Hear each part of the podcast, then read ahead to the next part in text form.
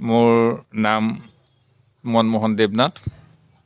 মোৰ বৰভেটি নগাঁৱৰ নিচেই নিকটৱৰ্তী বৰভেটি নাথগাঁও বাসস্থান।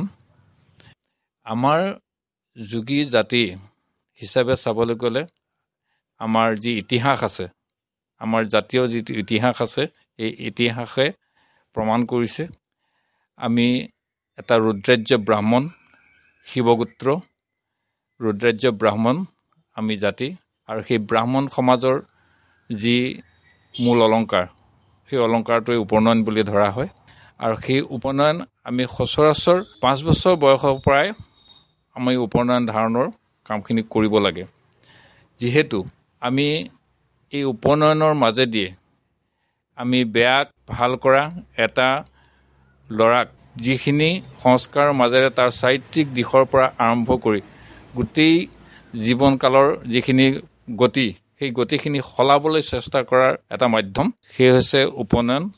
আৰু এই উপনয়নৰ লগত সংযোগ ৰাখি যিখিনি সামাজিক প্ৰথা বা সামাজিক যিখিনি আপোনাৰ মন্ত্ৰৰ পৰা আৰম্ভ কৰি এটা দীক্ষা ল'বলৈ যাওঁতে দীক্ষাৰ যিখিনি দিশ সেই দিশখিনি গুৰুৰ পৰা নিশ্চয় পায়। আৰু গুৰুৰ পৰা লোৱাৰ পাছতেই সেই বস্তুখিনি এটা আমাৰ বিশ্বাসো আৰু দেখিবলৈ পোৱাও যায়।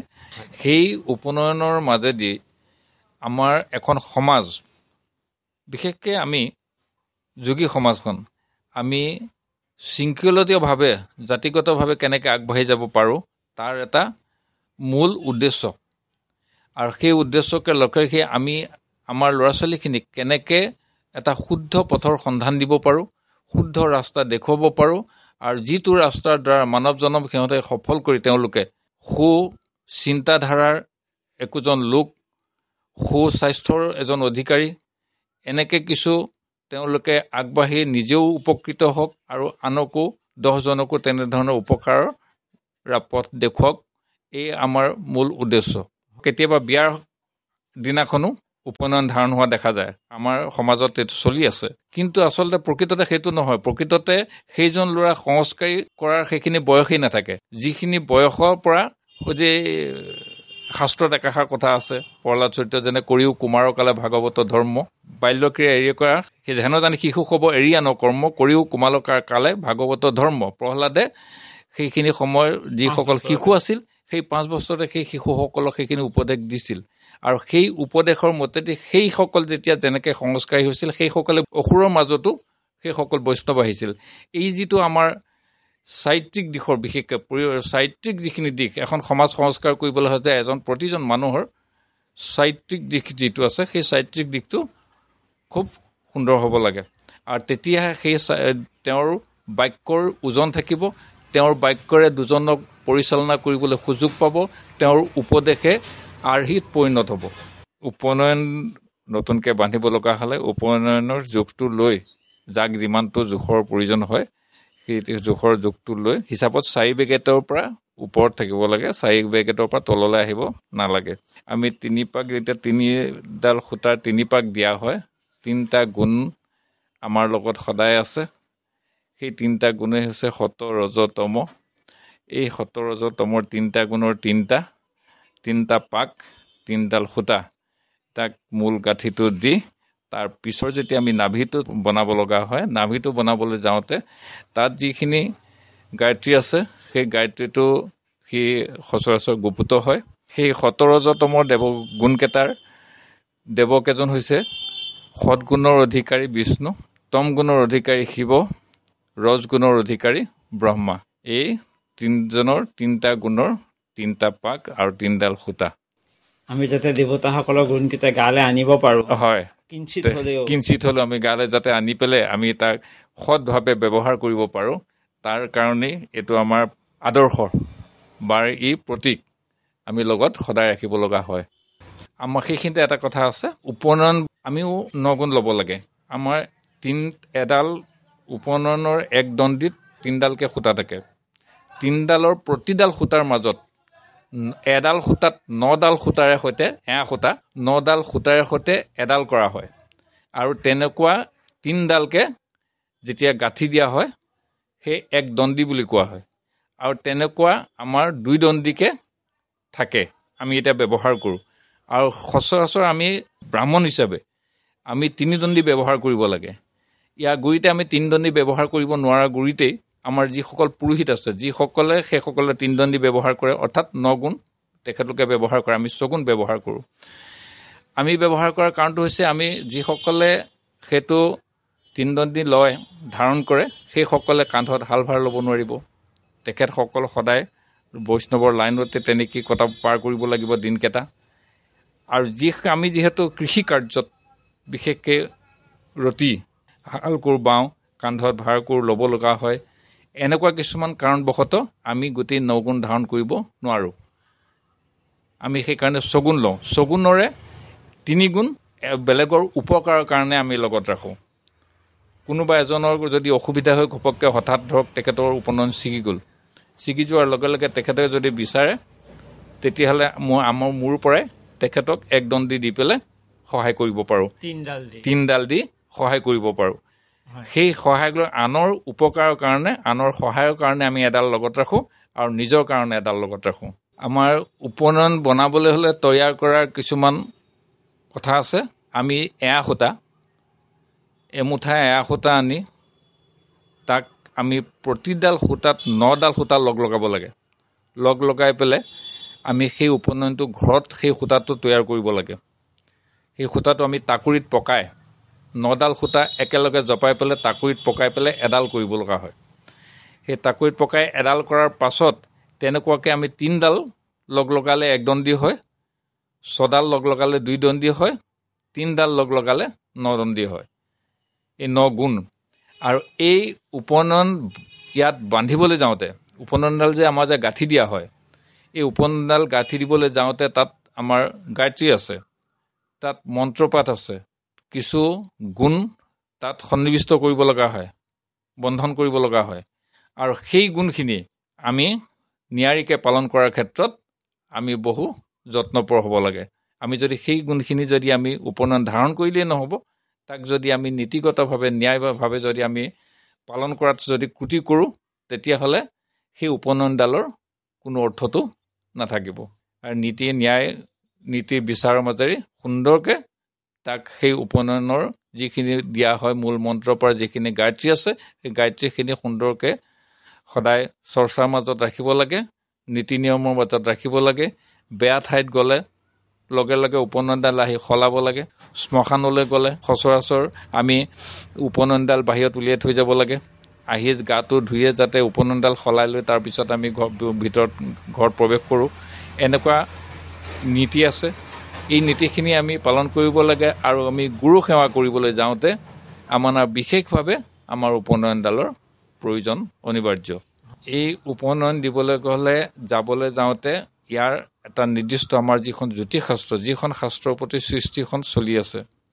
এই জ্যোতিষশাস্ত্ৰৰ যি পঞ্জিকা দিন নিৰ্ধাৰণ কৰিছে সময়সূচী নিৰ্ধাৰণ কৰিছে সেই সময়সূচীখিনিৰ ওপৰত আমি গুৰুত্ব আৰোপ কৰিবই লাগিব। আৰু সেই নিৰ্ধাৰিত দিন সময় এইখিনিৰ ওপৰত নিৰ্ভৰ কৰি বিয়াখনৰ প্ৰস্তুতি চলোৱা হয়।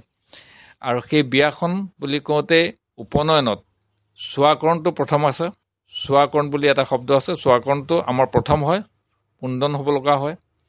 মুণ্ডন কৰি মেলি লৈ চোৱাকৰণৰ কামখিনি কৰাৰ পাছত আমি উপনয়নৰ কামলৈ আহিব লগা হয়। আৰু সেই অনুসাৰে যজ্ঞ তাত আমাৰ যদিও দেখাত আমাৰ এটা যজ্ঞ হয় কিন্তু ভিতৰত আছে দুটা যজ্ঞ।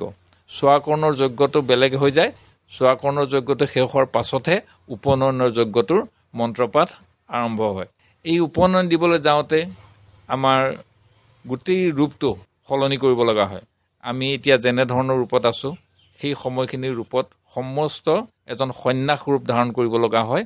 গেৰুৱা বস্ত্ৰৰ পৰা পৰিধান কৰি কান্ধত জুলি কান্ধত ছাতি ভৰিত কৰম এনেকৈ লৈ পেলাই এজন সন্যাসৰ যিখিনি সাজ পোছাক সেই গোটেই সাজ পোছাকখিনি আমি ধাৰণ কৰিব লগা হয়। তাৰ আগদিনাখনেই আমি অধিবাস কৰিব লগা হয়।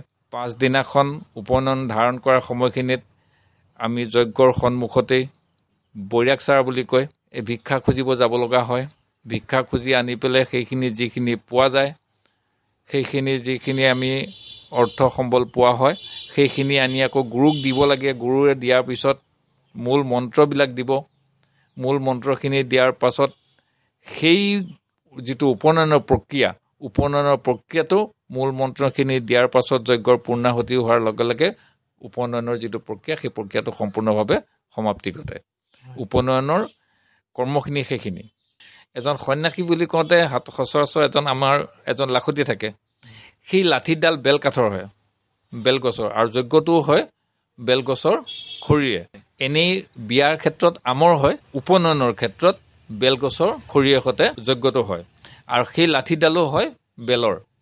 আৰু সেই বেল যিটো আমি যে বৰিয়াক চাৰি আহি পেলাই আমাক যেতিয়া ঘূৰাই পেলাই পদূলিৰ পৰা আকৌ আনে গৃহস্থই যেতিয়া আকৌ পদূলিৰ পৰা ঘূৰাই লৈ আহে আহি লোৱাৰ পিছত সেই যজ্ঞৰ পূৰ্ণাহুতিৰ সময়ত সেই যিডাল লাঠি সেই লাঠিডাল পূৰ্ণা ভাঙি পেলাই আকৌ সৈত জুইত পূৰ্ণাহুতি দিব লগা হয়। অৰ্থাৎ সেইখিনি সময়তে সেইডাল যদি ভাঙি পেলাই পূৰ্ণাহুতি দিয়া নহয় তেতিয়াহ'লে এই বৈৰাগ যিটো ৰূপ এই বৈৰাগ ৰূপটোৰ সামৰণি নপৰে। সেইটো সামৰণি মাৰিবৰ কাৰণে আমি এই যিডাল লাঠি লাঠিডাল যজ্ঞত পূৰ্ণাহুতি দিয়াৰ পাছত আমাৰ এই বৈৰাগ ৰূপটো সামৰণি হয় আৰু সাজ পোছাক সলাই পেলাই এজন সাধাৰণ মানুহৰ দৰে চলিব পিন্ধন উৰণ কৰিব পৰা অৱস্থাটো আহি যায়। লগুণ ধাৰণ কৰাৰ সময়খিনিত যেতিয়া গুৰুৱে শিক্ষা দিয়ে আমাক কেনেধৰণৰ মন্ত্ৰখিনি গুৰুৱে শিষ্যজনক শিকায় সেই কথাকে মই অকণমান আঁত ধৰি দিছোঁ যেনে যিটো আমাৰ উপনয়ন যিটো গায়ত্ৰী উপনয়ন গায়ত্ৰীটো মই অকণমান কৈ দিছোঁ।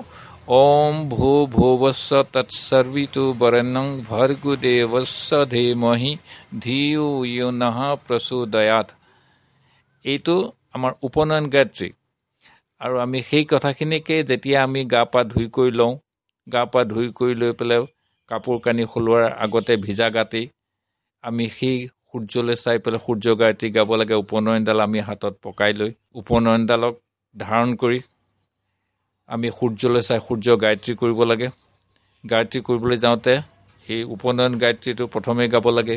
তাৰ পাছত যিটো সূৰ্য গায়ত্ৰী আছে সূৰ্য গায়ত্ৰীটো গাই কৰি লৈ পেলাই আমি মানে কাপোৰ কানি সলাই কৰি লৈ তাৰপিছত গুৰু সেৱাৰ গৃহলৈ আগবাঢ়িবলৈ যাওঁতে এই গুৰু সেৱাৰ কৰ্মখিনি পিছৰ পৰ্যায়লৈ থাকি যায়।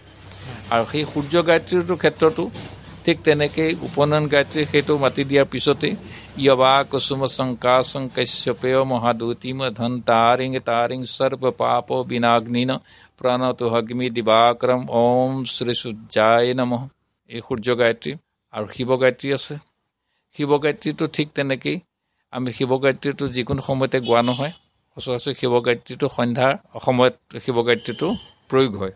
আৰু এনেই উপনয়ন গায়ত্ৰীটোক সাবিত্ৰী গায়ত্ৰী বুলিও কোৱা হয়। উপনয়ন গায়ত্ৰীটোৱে সাবিত্ৰী গায়ত্ৰী বুলি কোৱা হয়। শিৱ গায়ত্ৰীটো সেইটো উপনয়ন গায়ত্ৰীটো দিনৰ ভাগতো যিকোনো সময়তে আপোনাৰ প্ৰয়োগ হয় কৰিব পাৰে। শিৱ গায়ত্ৰীটো আমাৰ সন্ধ্যাৰ পাছত প্ৰয়োগ হয়। সন্ধ্যা যেতিয়া আমাৰ গোঁসাই ঘৰত হয় সন্ধ্যা কিবা শৰাই চৰাই কাম যদি হয় নামঘৰত অনুষ্ঠান কিবা অনুষ্ঠানত তেতিয়া আমাৰ শিৱ গায়ত্ৰীটোৰ প্ৰয়োজন হয় বিশেষভাৱে। আমি লগুণডাল যেতিয়া ধাৰণ কৰা হয় লগুণডাল ধাৰণ হোৱাৰ পিছতেই কৰ্মখিনি আমি কিমান পাৰোঁ শুদ্ধকৈ কৰি যাবলৈ চেষ্টা কৰাটো আমাৰ বিশেষ প্ৰয়োজন। সেইটোৰ ওপৰত কৰ্মখিনিৰ ওপৰত নিজৰ কৰ্মখিনিৰ ওপৰত লক্ষ্য ৰখাটো আমাৰ বিশেষ বাঞ্ছনীয়। আৰু লগুণ সদায় কেতিয়াও বাওঁ কান্ধৰ পৰা সোঁ কান্ধলৈ আহিব নালাগে। প্ৰথম কথা। দ্বিতীয় কথা এই লগুণ লৈ পেলাই লেতেৰা জেগা বা অপবিত্ৰ জেগাত প্ৰৱেশ কৰিব নালাগে। আৰু কেতিয়াবা যদি অতিমাত্ৰা কাৰ্চিত যদি কেনেবাকৈ লেতেৰা জেগাত প্ৰৱেশ কৰিব লগা হ'লেও তথাপিতো তাক আহি লগে লগে শুদ্ধি কৰিব লাগে। শুদ্ধি কৰিবলৈ ফুল তুলসী দুবৰি এৱা গাখীৰ লৈ পেলাই তাৰ শুদ্ধিৰ গায়ত্ৰীও আছে। সেই শুদ্ধি কৰি সেই গায়ত্ৰীৰ সৈতে লৈ পেলাই জল শুদ্ধি কৰি গায়ত্ৰী লৈ উপনয়নডাল সুন্দৰকৈ ধুই পখালি পৰিষ্কাৰ কৰি ল'ব লাগে। আৰু যদি সেইটো উপনয়ন সলাই লোৱা যদি নতুন ঘৰত মজুত থাকে তেতিয়াহ'লে লগে লগে উপনয়নডাল সলাই পেলাব লাগে। ঠিক এনেকুৱা কিছুমান ধৰক উপনয়নৰ সংক্ৰান্তত পালিতৰ সংক্ৰান্তত যিখিনি বহু কঠোৰ নীতিয়ে আছে সেই কঠোৰ নীতিখিনি আমি যিমান পৰা যায় পালন কৰিবলৈ চেষ্টা কৰিব লাগে। পালন কৰাৰ বহুখিনি নীতি আছে। তাৰ ভিতৰত মই চমুকৈ দুটা কথা কৈছোঁ। যেনে আমি দৰাচলতে আমি মল মূত্ৰ যেতিয়া ত্যাগ কৰিবলৈ যাওঁ পেচাব কৰিবলৈ যেতিয়া যাওঁ তেতিয়া আমি উপনয়নডাল সোঁ কাণখনত দুপাক মেৰিয়াই পেলাই উপনয়নডাল টি কৰি পেলাই ল'ব লাগে যাতে সেই পানীজনীবিলাক যাতে আমাৰ উপনয়নৰ স্পৰ্শ নহয়। উপনয়নডালত দানা নালাগে। উপনয়নডাল উপনয়নত লাগি পেলাই যাতে সেই উপনয়নডাল আমাৰ চোৱা নহয় সলাবলগীয়া নহয়। ঠিক তেনেকুৱাৰ কাৰণে আমি দু তিনিপাক দুপাক আঢ়ৈ পাক মেৰিয়াই আমি চুটি কৰি লৈ আমি মল মূত্ৰ ত্যাগ কৰিব লাগে শৌচ পেচাব কৰিব লাগে কৰি আকৌ সুন্দৰকৈ উপনয়ন ডেইলি গাটো ধোৱাৰ লগে লগে উপনয়নডাল ধুই পখালি সুন্দৰকৈ ৰাখি ব্যৱহাৰ কৰিব লাগে। আৰু আমি উপনয়ন বাওঁ কান্ধত ব্যৱহাৰ হয়। এই বাওঁ কান্ধৰ পৰা সোঁ কান্ধলৈ কোনো কাৰণে আহিব নালাগে। উপনয়নডাল কাহানিও ডিঙিত মেৰিয়াব নালাগে। কিছুমানে উপনয়নডাল চুটিকৈ কাম কৰি আছে অসুবিধা পাইছে ডিঙিতে মেৰিয়াই পেলাই চুটি কৰি লৈছে। সেইটো একেবাৰে বেয়া কথা। কঁকালত কেতিয়াও উপনয়নডাল বান্ধিব নালাগে। তাক সযতনে চুটি কৰি কাপোৰতে খোচা মাৰি পেলাই বাওঁ কান্ধতেই উপনয়ন আমি যেনেকৈ পিন্ধিছোঁ তেনেকেই ৰাখিবলৈ চেষ্টা কৰিব লাগে। নেদেখাটো বেছি ভাল। আৰু তেতিয়া বাহিৰা বেয়া যিবিলাক প্ৰভাৱ সেই প্ৰভাৱবিলাক নপৰিব। উপনয়নডাল ধাৰণ কৰাৰ লগত তাত আছে শিৱ গায়ত্ৰী আছে বিষ্ণু গায়ত্ৰী আছে সেই উপনয়নত বন্ধন আছে। আমি কোনোবা নিচান জেগা এডোখৰত গৈ আছোঁ। সেইখিনি সময়ত বিষ্ণু গায়ত্ৰীটো যেতিয়া তাত বান্ধা আছে নিশ্চয় যদি সেইখিনি আমি ব্যৱহাৰ কৰোঁ আমি এডোখৰ নিচান জেগা এডোখৰত এডোখৰ বেয়া জেগাত আমি গৈ আছোঁ তাত যদি আমি প্ৰভু ভগৱন্তৰ নাম লওঁ বিষ্ণু গায়ত্ৰী উচ্চাৰণ কৰোঁ কিংবা শিৱ গায়ত্ৰী উচ্চাৰণ কৰোঁ নিশ্চয় আত্মবিশ্বাস আছে তাৰ পৰা সেই বিপদৰ পৰা সাৰি আহিব পৰা এটা সুন্দৰ উপনয়ন আমি প্ৰথম ধাৰণ কৰোঁতেই প্ৰথম এডাল এয়া সূতা আৰু কোষ এডালৰ সৈতে এডাল উপনয়ন তৈয়াৰ কৰি পেলাই দিয়ে পুৰোহিতে। আৰু সেই উপনয়নডাল প্ৰথম ধাৰণ কৰে। তাৰপিছত যিডাল আমাৰ সদায় লগত থাকিব সেই উপনয়নডাল পাছত ধাৰণ কৰা হয়। আৰু উপনয়ন এই যি আমি বৈৰাগ চাৰ বুলি কয় বৈৰাগ চাৰে গৈ পেলাই যেতিয়া গুৰুৰ ওচৰ পোৱাৰ পিছত উপনয়নডাল যেতিয়া সেই খুলিব যিডাল এয়া সূতা আৰু প্ৰথম যিডাল পিন্ধাই দিয়া উপনয়ন সেই উপনয়নডাল আমি খুলিব লাগে। খুলি যজ্ঞত সেই উপনয়নডাল পুনাহতি দিব লাগে। সেই এটাই উদ্দেশ্য সেইডাল দিয়াৰ। আমি উপনয়নডাল পিন্ধোতে কেনেকৈ পিন্ধিলোঁ আৰু খোলোতে আমি উপনয়নডাল কেতিয়াবা সলাবলগীয়া হয় সেই সলাবলৈ যাওঁতে আমি কেনেকুৱা নিয়মৰ মাজেৰে সলাবলগীয়া হয় সেই সলোৱাৰ নিয়মটো শিকাবৰ কাৰণে সৰ্বপ্ৰথমে সেই এয়া সূতা আৰু কোষডালৰ সৈতে উপনয়নডাল পিন্ধাই দিয়া হয়। মূৰতে মূৰৰ পৰা সোঁকাণ হাতখনৰ পৰা বাওঁ কান্ধত পৰাকৈ উপনয়নডাল ধাৰণ কৰিলে আৰু নতুনডাল যদি সলাব লগা হয় নতুনডাল ধাৰণ কৰি লৈ পুৰণাডাল লাহেকৈ ভৰিৰ তললৈ আনি ভৰিৰ তলেদি উলিয়াই পেলাই পুৰণাডাল সলাব লাগে। মূৰৰ ওপৰেদি উপনয়নডাল কেতিয়াও আকৌ সময় সলাবলগীয়া নহয় সেইটো নীতি নহয়। ভৰিৰ তললৈ আনি পেলাই ভৰিৰ তলেদি উলিয়াই পেলাই উপনয়নডাল আমি বাদ দিব লাগে। বিসৰ্জন দিব লাগে। পুৰণাডাল বিসৰ্জন দিব লাগে। আৰু তাৰ আগমুহূৰ্তত নতুনডাল ধাৰণ কৰি ল'ব লাগিব। পুৰণাডাল গাত থাকোঁতেই নতুনডাল ধাৰণ কৰি ল'ব লাগিব। আৰু সেইডাল আনি পেলাই কোনো বোৱতী নদী যদি সন্মুখত পায় ওচৰত পায় বোৱতী নদীত বিসৰ্জন দিব লাগে। আৰু নহ'লে কোনোবা গছ গছনিতে বান্ধি পেলাই থৈ দিব লাগে যাতে সি অপবিত্ৰ নহয়। হয়। আৰু কেতিয়াবা আমি দেখা পাওঁ যে উপনয়ন ছিগিলে মুখৰে নেমাতে। অঁ মুখৰে নামাতাৰ কাৰণ হৈছে সি যিহেতু গায়ত্ৰী থাকে তাত। গতিকে উপনয়নডাল ছিগিলে মুখৰে নামাতাৰ কাৰণ এটাই সেই গায়ত্ৰীটো জপ কৰিবলৈ সুযোগটো হেৰাই যায়। গায়ত্ৰীটো জপ কৰাৰ সুযোগটো হেৰাই যায়। গতিকে চাপৰিয়ে সৈতে কোনোবা ওচৰত যদি আছে এনে চাপৰি এটাকে বজাই ইংগিত দিয়ে। আৰু সেই ইংগিতটো বুজি পোৱাসকলে যদি ওচৰত তেনেকুৱা কোনো লোক আছে তেতিয়াহ'লে সেই বুজি পাই তেখেতক তাৰ পৰা উদ্ধাৰ কৰাৰ চেষ্টা কৰে। নিজৰ পৰাই উপনয়ন দি গোৱাত যিসকল থাকে উপনয়ন দি পেলাই চেষ্টা কৰে। আৰু যদিহে উপনয়ন তেনেকুৱা নিৰ্দিষ্ট জেগাত যদি কোনো লোক নাথাকে উপনয়ন থাকে ধাৰণ কৰা লোক যদি নাথাকে তেতিয়াহ'লে উপায় নেপালে অকণমান সৰুকৈ হ'লেও গাঁঠি এটাকে দি তাৰ পৰা মাত বোল নোহোৱাকৈ আহি উপস্থিত হৈ ঘৰত উপনয়নডাল সলাই ল'বলগীয়া হয়। আৰু সেইখিনি গুৰুৰ মুখেদি গোটেই বস্তুখিনি যেতিয়া উপনয়ন ধাৰণৰ সময়ত গুৰুৱে দীক্ষা দিয়ে গুৰুৱে দীক্ষা দিয়াৰ সময়খিনিত সেই গোটেই বস্তুখিনি উপযুক্ত গুৰুৱে যদি পায় তেতিয়াহ'লে সেইসকলে তেখেতসকলক শিষ্যসকলক সুন্দৰকৈ পৰিচালনা কৰি আহিছে আৰু কৰি থাকিব পৰম্পৰাগত হিচাপে। যদি নিচিগে এবছৰলৈকে থাকিব পাৰে। যদি বেয়া জেগালৈ নাযায় শ্মশানলৈ যদি নাযায় তেতিয়াহ'লে লগুণডাল যদি খুব সুন্দৰকৈ টাইটেই হৈ আছে নতুনেই হৈ থাকে বিশেষকৈ চিঙা ভাঙা যদি নহয় এডাল সূতাও যদি তাৰ পৰা ছিগিছে তেতিয়াহ'লে সেইডাল উপনয়নৰ কাম নাই সেইডাল উপনয়নৰ ব্যৱহাৰ উপযোগী নহয় সেইডাল উপনয়ন সলাব লাগে।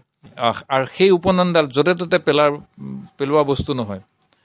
সেই সলাই লৈ পেলাই কোনোবা গছত বান্ধি দিব লাগে আৰু নহ'লে নদীত উটাই দিব লাগে। বুৱতী পানীত উটাই দিব লাগে। আৰু যদি বুৱতী পানীত উটাই দিব পৰা নহয় কোনোবা গছত বান্ধি দিব লাগে। কিন্তু য'তে ত'তে অপব্যৱহাৰ কৰি পেলাই পেলাই দিয়া বস্তু নহয়। পেলাই দিলে সেইটো অপৰাধ হয়। বেদ চাৰিখন। ঋগ যজু সাম অৰ্থব্য এই চাৰিখন বেদ। এই চাৰিখন বেদৰ ভিতৰত আমি সাম বেদৰ মানুহ। আৰু সেই সামবেদই হৈছে শিৱগোত্ৰ বেদ। সামবেদখন শিৱগোত্ৰৰ বাহিৰে। সামবেদখন ব্যৱহাৰ নহয় আৰু ব্যৱহাৰ নকৰে।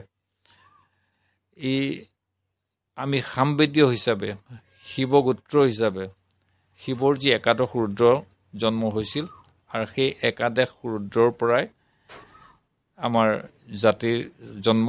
মৎস্যেন্দ্ৰনাথ গোৰক্ষনাথ বিন্দুনাথৰ পৰা আদি কৰি একাধিক্ৰমে জাতিৰ গুৰি ধৰি আহিছে জাতিৰ জন্ম লৈ আহিছে ধৰি আহিছে জাতি আগবাঢ়ি আহিছে আজিলৈকে।